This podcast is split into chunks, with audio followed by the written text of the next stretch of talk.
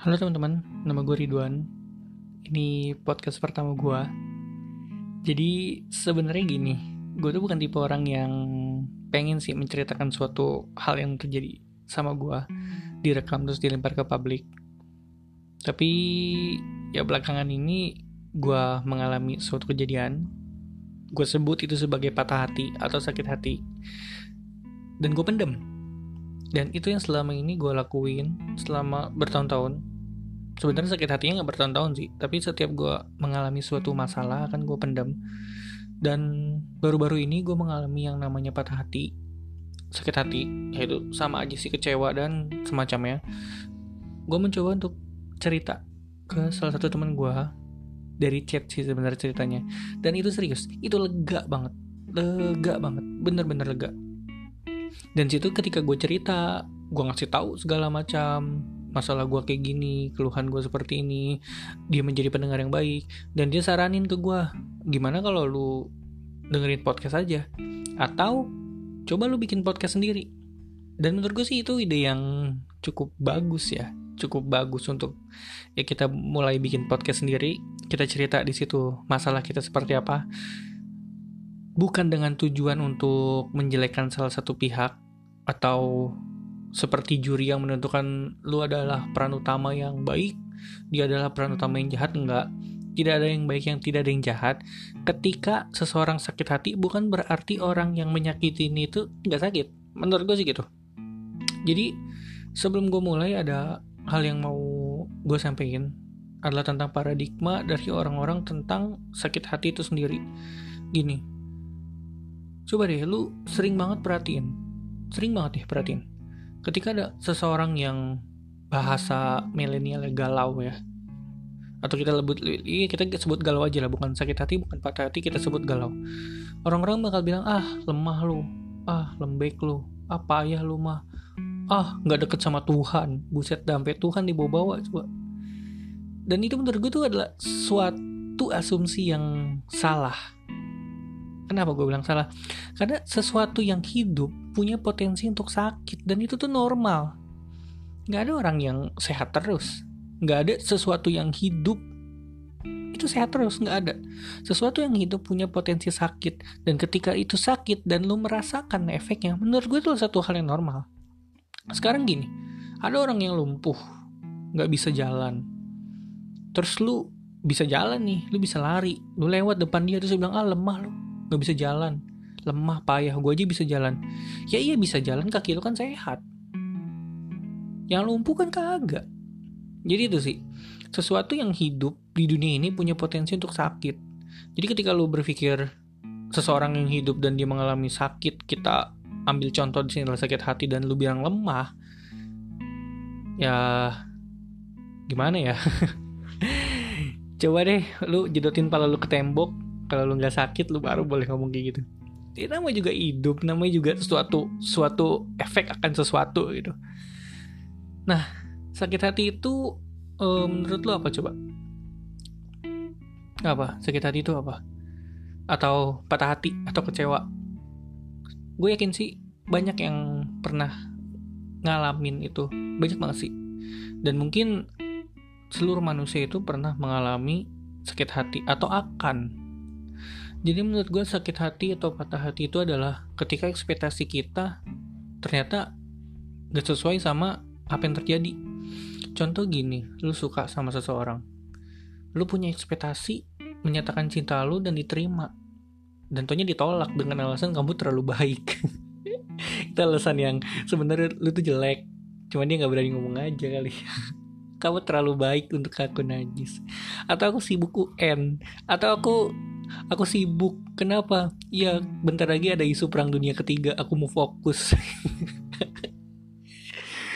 Ya kayak gitu ya. Jadi ketika ekspektasi itu nggak sesuai sama apa yang terjadi di situ kita akan ngerasain yang namanya sakit hati. Dan ketika itu terjadi berkali-kali itu namanya patah hati. Ya menurut gua kalau cuman sekali enggak sih itu mungkin itu bukan patah hati. Tapi ketika itu sudah terjadi berkali-kali itu rusak lu bangun lagi itu rusak lu bangun lagi sampai akhirnya patah dan tidak bisa disambung lagi. Ya menurut gue sih kayak gitu. Jadi apa coba? Suatu ekspektasi lu yang gak pernah sesuai dengan kenyataan coba lu pikir lagi dan lu yakin lu gak ngerasa sakit atas itu. Dan masih mau bilang orang yang ngerasain sakit itu lemah. Dan ini semua berkaitan sih dengan apa yang pengen gue ceritain saat ini. Tapi terlalu sebelum gue cerita gue harus tekankan gue tidak mencoba untuk menjadi seorang peran utama yang akan menderek segala sesuatu yang gue ceritakan di sini agar orang-orang berpikir bahwa orang yang nyakitin gue itu jahat. Enggak. Ini hanya sebuah perspektif. Hanya sebuah perasaan yang gue rasain hanya sebuah kejadian yang ingin gue ceritakan ulang supaya gue tenang di sini gue cuma ingin mencoba sembuh dengan berbicara, dengan bercerita. Entah siapa yang denger, entah siapa yang respon. Tapi nggak tahu kenapa berbicara atau cerita itu justru ngilangin beban dalam diri lo. Kayak contoh gini, gue kasih sebuah analogi kalau hati itu adalah kanebo dan air itu adalah sebuah rasa sakit. Gila gak sih? Dan ketika kanebo itu kena air, lu berharap itu kering, ya lu peres dan kalau lu nggak peres, ya nggak keluar-keluar tuh air. Atau mungkin lu jemur sampai airnya nguap. Karena ketika lu tidak melakukan aksi apa pun, lu biarin itu kanebo basah, dia akan lembab, dia akan dingin, dan dia akan rusak, cuy. Lu peres sampai tidak ada lagi air yang keluar dari situ. Peres aja. Dan cara orang peres tuh beda-beda. Dan salah satunya menurut gue adalah lu bercerita kayak gini. Lu ceritain dengan memperhatikan attitude yang ada jangan menjelekan seseorang itu. Bukan berarti dia salah bukan berarti lu benar. Ini hanya sebuah perspektif hanya sebuah sharing. Mungkin dari sini kita bisa saling tukar pendapat dan segala macamnya. Jadi gini gue udah bilang yang namanya patah hati itu atau sakit hati itu ketika ekspektasi tidak sesuai, tidak sesuai dengan apa yang terjadi. Dan dalam urusan ini gue sebutlah sebagai gue punya pacar gue punya sebuah ekspektasi di situ. Ekspektasi gue adalah gue bisa langgeng gue bisa nikah dan yang memisahkan kita kematian. Ya itu adalah ekspektasi semua orang yang pacaran sih. Nggak ada orang yang pacaran eh kita pacaran yuk tujuannya apa? Biar kita putus. Nggak ada gitu kan. Eh kita pacaran yuk tujuannya apa? Ya kita akan kita akan membuka peradaban di Korea Utara supaya dia menjadi negara terbuka. Nggak ada. Orang dua insan yang memutuskan untuk pacaran, membangun sebuah komitmen, biasanya tujuan mereka satu, menuju jenjang yang lebih serius yaitu perkawinan. Eh, perkawinan kayak kucing, pernikahan. Gue yakin semua orang yang pacaran itu seperti itu. Itu adalah sebuah ekspektasi. Ekspektasi kita ketika kita mau pacaran. Apa? Dikabarin lah, diperhatiin, diprioritasin, dan segala macamnya sih. Itu ekspektasinya dan kadang ketika itu tidak berjalan sesuai dengan kenyataan, ketika kita pacaran pun akan merasakan sakit. Kenapa? Ekspektasi kita nggak sesuai dengan kejadian yang saat itu terjadi. Jadi gini, gue baru putus. ya putus ya. Uh, putusnya itu eh, ngerti ya putus ya memutuskan sebuah hubungan yang tadinya dekat menjadi seolah-olah tidak saling kenal sama sekali. Gila yang nggak saling kenal sama sekali. Gue baru putus dan sebelum gue cerita alasan kenapa gue putus gue akan ceritakan dulu kenapa ini bisa begitu menyakitkan. Jadi gini satu hal lagi yang harus lo tahu yang namanya kehilangan itu ketika lo sudah terbiasa dengan keberadaannya dan lo tidak ada lagi merasakan keberadaannya, lo akan merasakan suatu kehilangan. Dan ketika lo merasakan suatu kehilangan, ekspektasi lo berharap dia untuk selalu ada dan dia tidak ada lagi. Nah itulah kenapa penyebabnya sakit hati. Jadi semua orang yang putus tuh ya sakit hati. Gini, gue sebelumnya punya pacar. Sekarang gue harus sebut mantan gue ini aja gue nyesek banget ya harus nyebut dia mantan anjir aja. Sebelum gue punya pacar, gue sih uh, aduh kalau gue bilang sayang banget tuh alay nggak ya? Ya ya udahlah itulah ya. Intinya mah sebelumnya gue punya pacar. Alasan kenapa gue jadiin dia pacar dan akhirnya kita jadian itu satu komunikasinya tuh enak banget sih. Dia tuh kalau diajak bercanda nyambung garing juga bercandanya. Apa aja bisa jadi bercanda? Plat nomor rusak atau apa sih? Plat nomor tuh bautnya lepas gitu. Itu bisa jadi bercandaan dan kita ketawa seharian. Lu bayangin lu bisa ketawain plat nomor yang bautnya copot padahal lu bisa pasang bener lagi. Tapi lu ketawain. Untuk itu adalah hal yang seru banget. Hidup gue jadi berwarna banget. Itu adalah sisi humorisnya sisi bahagianya. Tapi di sisi baiknya juga orang itu gila sih. Perhatian banget sih. Hampir memperhatikan segala sesuatu yang ada dalam diri gue yang terlihat bahkan yang enggak. Kayak contoh sekedar nanya biasanya kan orang nanya ya udah makan belum? Basi sih kata gue memang kita hidup di mana nih kalau kita hidup di Afrika tuh yang kekeringan kayak gitu tuh baru lu nanya udah makan apa belum? Lah kan di sini Indonesia makanan berlimpah di mana-mana. Itu bullshit banget sumpah. Pertanyaan sih dia bukan udah makan apa belum? Hari ini makan apa? Makan mie lagi ya. Makan sayur nggak? Makan buah nggak? Perhatian itu kayak gitu loh. Dan kalau gue ngomong gue nggak makan sayur gue makan dibawain buah. Gila emang. Nggak cuman gitu nggak cuman ketika bahagia doang ketika masa-masa sulit gue pernah suatu ketika gue baru banget kerja. Dan saat gue baru-baru kerja itu gue nggak punya motor kan. Gue diantar jemput sama dia. Diantar ke sana diantar ke sini ke kantor gue pas gue interview pun dianterin. Wah itu momen-momen yang indah banget sih. Bener-bener gue didampingin. Bahkan sebenarnya gue udah kenal dia tuh dari masa-masa gue kuliah. Skripsi gue dibantuin gue ditemenin. Wisuda gue didampingin. Pernah juga waktu gue lagi tugas akhir ya tugas akhir tuh sama kayak skripsi tapi karena gue jurusannya seni jadi gue sebutnya tugas akhir. Itu sampai pameran gue dia bantuin. Dia bener-bener bantu segala persiapannya dari ngegunting, ngekater, ngelem lah. Sampai persiapan-persiapan belanja dan segala macamnya dia full bener-bener bantuin. Aduh sedih kan inget-inget kenangan. Dan juga ketika masa-masa awal gue kerja ini masa-masa awal gue kerja nih gue gaji masih sedikit keadaan sulit. Dia bantuin gue dia nanggung makanan gue gue sering dikasih makan diajak makan.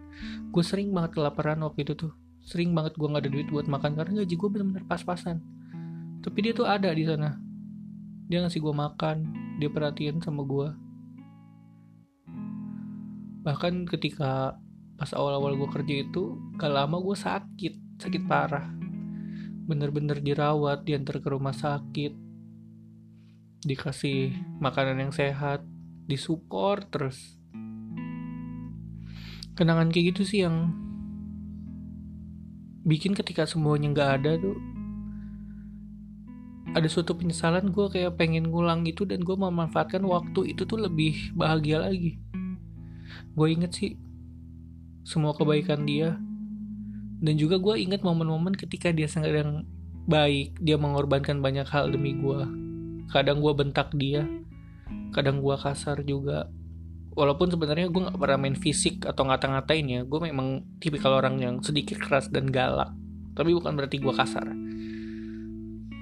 Dan kadang gue ngeliat sih dia sedikit nangis kayak merasa nggak dihargain. Jujur sih gue kehilangan banget sih. Gue bener-bener ya gue nggak tahu harus apa. Dia itu udah bener-bener bagaikan bagian sih dalam diri gue bener-bener dampingi gue dalam segala hal. Gue pernah berada dalam satu masalah yang cukup sangat-sangat berat. Dia tuh di sana bantuin gue bener-bener dari nol sampai mau beres. Dia pernah ngerelain uang jajannya hanya demi bantu gue dan gue yakin sih gak semua cewek tuh bisa kayak gitu. Makanya kenapa gue tuh sangat-sangat merasa kehilangan banget. Dan yang harus tahu gue nggak pernah minta dibantuin. Nggak pernah sih. Gue nggak pernah minta dianterin. Gue nggak pernah minta dibawain makanan. Dengan keinisiatifannya dia selalu dia. Bahkan dia pernah bekal yang seharusnya dia makan dia kasih gue sampai akhirnya gue tahu dia ternyata nggak makan. Berat banget sih. Dia bener-bener orang yang sangat spesial banget buat gue sangat berharga banget. Gak cuman dari masalah karakternya yang begitu gue cintain cara dia bercanda cara dia ketawa cara dia komunikasi cara dia ngelihat gue bukan cuman masalah kebaikannya dia yang selalu banyak mengorbankan sesuatu sih untuk gue nggak juga tapi gue memang mencintai dirinya bahkan sampai kekurangannya. Kekurangan apa pun gue cintain gue nggak pernah mengeluhkan segala kekurangannya. Gue benar-benar mencintai segala kekurangannya. Tapi pada akhirnya salah satu di antara kita merasa lelah merasa capek. Berkali-kali sih gue berantem sama dia. Nggak cuma sekali bener-bener berkali-kali berantem lagi baikan berantem lagi baikan. Dan setiap kita berantem selalu ada kata putus yang selalu dia ucapkan. Dan itu selalu kejadian seperti itu. Tapi akhirnya kita baikan. Kita baik lagi kita main lagi kita ketawa lagi dan ada masalah dan itu terus terulang. Kadang dia bikin salah kadang gue bikin salah dan kadang kita sering banget berantem tapi pada akhirnya kita baikan. Kenapa? Karena kita tahu kesepian hanya bisa diobatin dengan kehadiran masing-masing dari kita. Gue bener-bener rindu banget masa-masa itu. Rindu banget masa-masa ketika kita masih bersama dan saling menatap muka hampir mungkin setiap hari. Tapi takdir berkata lain. Akhirnya gue pindah kerja gue jauh kita LDRan dan LDRan itu baru sekitar sebulan putus itu terjadi. Dan kali ini kayaknya bener-bener putus. Bener-bener berakhir. Gue tahu sih dia capek. Capek seolah menjadi peran ibu rumah tangga atau se peran seorang istri yang sebenarnya bukan seorang istri yang harus ngurus seseorang yang bukan tanggung jawabnya dia. Gue tahu. Alasannya adalah karena lelah. Bukan karena lelah hanya harus memberikan perhatian atau tanggung jawab yang bukan semestinya, tapi lelah mungkin menghadapi sikap gue. Gue akui gue adalah tipe tipikal orang yang sedikit posesif. Yang kadang gue bete kalau nggak dikabarin, yang kadang gue bete kalau dia jalan sama atau main ya nggak jalan sih main sama cowok lain walaupun sebenarnya nggak berdua dan nggak cuman itu kadang gue juga suka menyita waktunya untuk eh balas chat. Padahal gue kegiatannya banyak. Gue selalu memaksakan diri untuk menjadi prioritasnya dia. Gue selalu memaksakan diri gue untuk ayo lo utamain gue kayak prioritasin gue kayak gue salah sih. Bahkan gue jarang nanya gimana ngelancar kegiatannya hari ini? Gimana hari ini makannya sehat atau enggak? Gimana kondisinya? Masih sakit atau enggak? Gue bener-bener salah banget sih gue akuin itu bener-bener salah banget. Dan akhirnya gue juga nggak tahu. Itu semua terjadi begitu aja. Karena LDRan ini gue semakin kacau. Rindu yang ada dalam diri gue merusak mood gue, sensi gue rusak, akhirnya terbawa ke komunikasi, terbawa ke hubungan. Dan sesuatu yang mungkin dia sudah pendam selama ini meledak begitu aja, dan akhirnya bubar. Ya benar-benar bubar. Dan kali ini mungkin adalah putus yang sebenarnya, di antara bertahun-tahun putus yang gak jadi. Sekarang gimana? Berubahkan perspektif lo? nggak selamanya orang yang disakitin itu adalah orang yang benar. Di sini gue merasa sakit hati, bukan karena gue ditinggalin atau diputusin. Ya, ya itu salah satunya. Tapi yang bikin gue sakit hati adalah gue harus kehilangan dia. Gue harus kehilangan dia, men. Gue nggak tahu hari-hari esok lagi udah nggak ada dia lagi. Ketika gue datang ke kota itu lagi, sudah tidak disambut lagi dengan senyumannya dia ketika gue tiap hari tidak lagi mendengar kabarnya atau sekedar gue diperhatiin ketika gue sudah tidak bercanda sama dia lagi terus momen yang selama ini gue bangun bertahun-tahun gue harus simpen ke mana semua momen ini harus gue bawa ke mana? Harus gue taruh ke mana? Hati gue bener-bener gak muat kalau untuk naruh semuanya sendiri. Tapi hatinya udah ditutup buat gue harus taruh ke mana kan?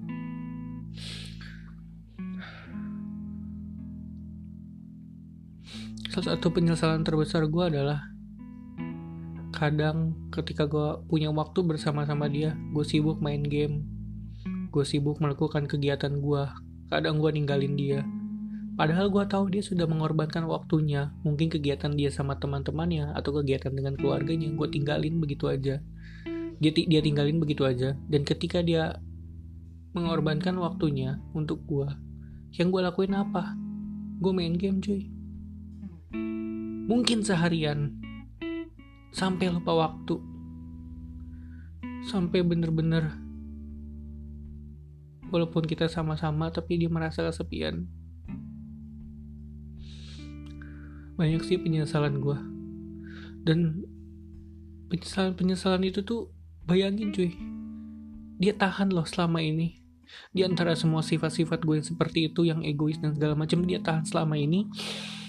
Dia benar-benar berjuang untuk menahan semuanya. Tetap kasih gue perhatian. Tetap kasih gue segala yang gue mau hampir nggak pernah gue mau minta sesuatu dia tolak lu bayangin seorang cewek menahan itu bertahun-tahun. Jadi tolong, walaupun di sini keadaannya adalah gue menceritakan tentang sakit hatinya gue, dia bukan adalah peran antagonis yang jahat. Mungkin salah satu anugerah yang cukup indah dalam hidup gue. Dan sekarang gue kehilangan itu, men. Gue bener-bener hilang. Gue bener-bener hancur. Gue bener-bener gak tahu gue harus ngelakuin apa. Ketika datang hari itu gue bener-bener putus. Gue chaos men. Gue bener-bener ngerasa sesak banget. Tangan gue mungkin gemeteran. Keadaan gue lagi di kantor gue lagi kerja gue langsung ke kamar mandi. Gue coba tahan tangis gue gue coba tahan segala macam sakitnya itu.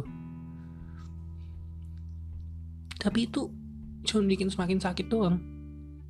Itu nggak ngobatin apa-apa. Apa yang gue tahan cuma menggerogoti hati gue tiap malam. Bahkan tiap hari. Setiap pagi juga. Eh, tahu lagi lah. Segala sesuatu itu pasti berjalan sih. Dan ketika ketika sudah berjalan kita baru tahu apakah yang kita lewatkan itu adalah sesuatu yang harus disyukuri atau disesali. Gue bersyukur banget. Gue sangat sangat bersyukur dengan kehadirannya dia dengan segala apa yang dia korbankan untuk gue dan dia tuh dia tuh bukan cuma sekali dua kali mengorbankan apa yang dia punya untuk gue dia semakin kurus mungkin stres gara-gara itu gila sih. Bener-bener gila sih. Dan akhirnya sekarang mungkin sudah sangat terlambat untuk memperbaiki. Dan gue pun sudah merasa nggak pantas lagi.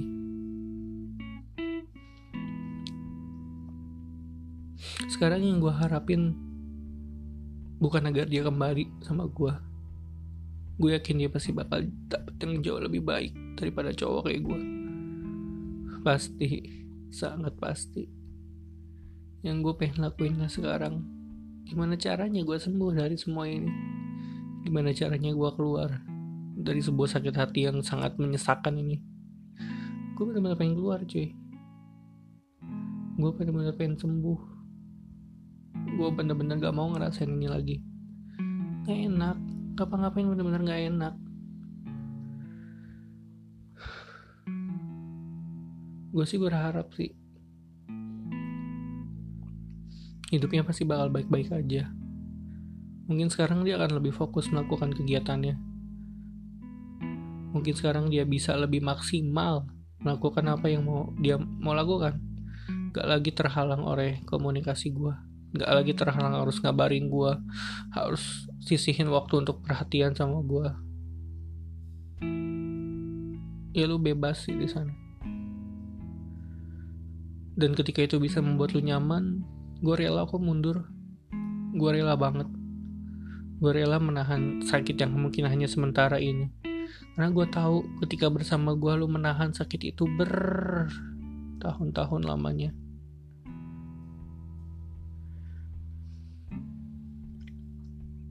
Sekarang yang benar-benar gue harapin gue keluar dari semua ini. Gue bisa sembuh. Sembuh dari sakit hati yang nyebelin ini. Dan ya itulah. Itu sih. Dan gue sih berniat sih untuk menceritakan progres tiap minggunya dari perspektif seorang yang patah hati di minggu pertama sampai minggu terakhir. Kita lihat aja. Setiap minggunya apa yang gue rasain apa yang gue alamin dan apa yang berhasil sembuh ketika minggu itu ini hanya sekitar ini hanya sekedar pengantar aja. Gue pengen menceritakan setiap minggunya segala progres yang sedang gue alamin sampai akhirnya gue sehat dan gue mampu untuk berjalan lebih baik lagi. Sekali lagi thank you. Kalau lu punya waktu ke depannya dan lu mengalami hal yang sama yuk kita sharing. Silakan lu denger podcast ini. Gue seneng banget kalau lu mau denger. Dan kalau lu punya masukan kalau lu punya hal yang pengen lu sharing sama gue silahkan banget. Gue sangat terbuka. Jadi itulah dia uh, sebuah usaha gue untuk sembuh. Yang gue awali dari podcast sederhana ini. Dan gue sih berharap siapa pun kalian di mana pun kalian dengan siapa pun kalian yang saat ini mengalami patah hati ayolah coy. Temuin cara gimana cara yang untuk lu bangkit. Karena gue tahu sih rasanya itu sangat gak enak. Dan ketika lu di underestimate dengan orang-orang lain yang bilang ah lu mah cengeng ah lu mah cemen lemah. Lupain aja cuy. Lakuin hal yang bisa menguras segala kesedihan dalam hati lu sampai hati lu bener-bener kering. Ayo kita lakuin. Dan gue nggak tahu cara lu tapi bercerita seperti ini ini cara gue nama gue Ridwan thank you udah dengar dan sampai jumpa